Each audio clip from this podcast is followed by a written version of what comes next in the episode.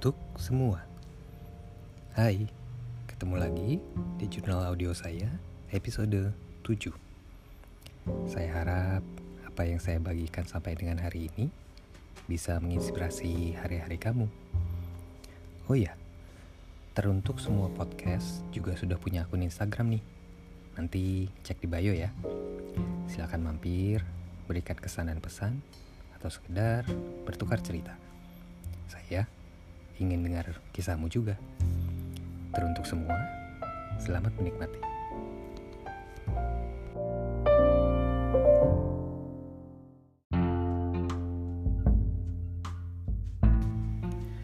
Oke, topik yang ingin saya bahas kali ini yaitu pilihan. Coba kamu ingat-ingat kembali satu hari saja ke belakang. Berapa banyak pilihan yang harus kamu ambil dalam satu hari itu? Mulai dari mau pakai baju yang mana hari ini, mau makan apa siang atau malam ini, lewat jalan mana ya nanti supaya nggak macet, sampai dengan jawab langsung gak ya WhatsApp dia? Iya. Contoh tadi mungkin kejadian yang sangat trivial dan ringan. Apa jadinya ketika kita dihadapkan pada pilihan yang menentukan jalan hidup kita ke depan? Seperti apakah saya mesti ambil pekerjaan ini? Atau apakah dia jodoh saya? Tetap ya, jodoh itu isu yang signifikan. Di setiap momen kehidupan, kita akan dihadapkan dan harus menentukan pilihan. Ketika harus memilih di antara yang baik atau yang buruk, tentu tidak sulit ya. Nah, jadi masalah ketika kedua pilihan yang ada di hadapan kita, keduanya sama-sama baik. Pernah nggak ngalamin situasi dilematis seperti itu? Bingung ya pastinya. Mesti gimana? Hmm, coba kita renungin lagi. Apa betul kedua pilihan yang baik tadi itu benar-benar baik adanya atau hanya tanda kutip terlihat baik? Dan definisi baik untuk kita itu seperti apa sih? Ketika kita mesti memilah dari dua pilihan, cara paling mudah adalah dengan mempertimbangkan apa tujuan akhir kita. Mana dari kedua pilihan tadi yang akan membantu kita menuju titik yang kita mau. Karena inilah tadi saya sampaikan, pilihan itu kadang dalam tanda kutip terlihat baik. Ilustrasinya gini.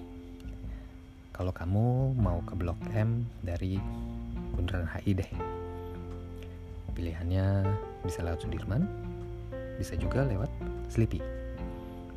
Keduanya sama-sama bisa membawa kamu ke Blok M. Terlihat baik ya keduanya. Nah, misalkan kamu sudah memilih untuk lewat Sudirman. Eh, ternyata macet. Santai aja. Nanti di depan sana muter sedikit aja lewat lingkar semanggi. Tapi kamu nanti harus belok juga di JCC supaya tetap pada jalur menuju M. Buat kamu yang di Jakarta bisa relate ya. Buat yang di luar Jakarta, mungkin sambil ngeliat Google Maps kali ya supaya bisa membantu.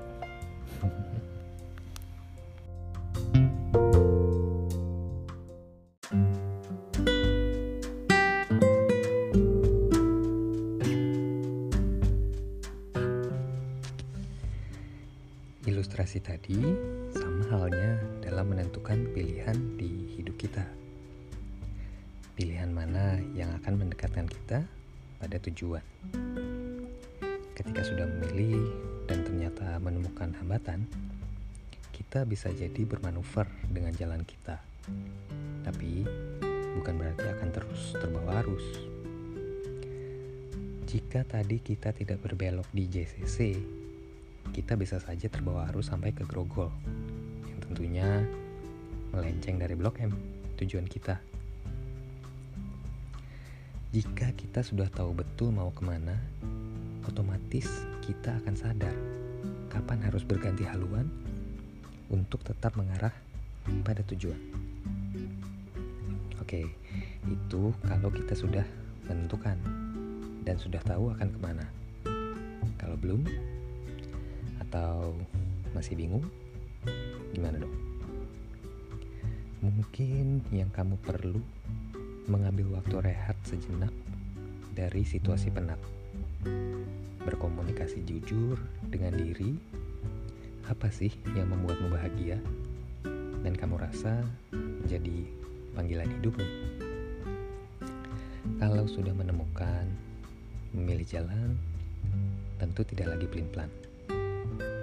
Semoga kamu bisa tetap jernih dalam memilih ya, dan bahagia selalu.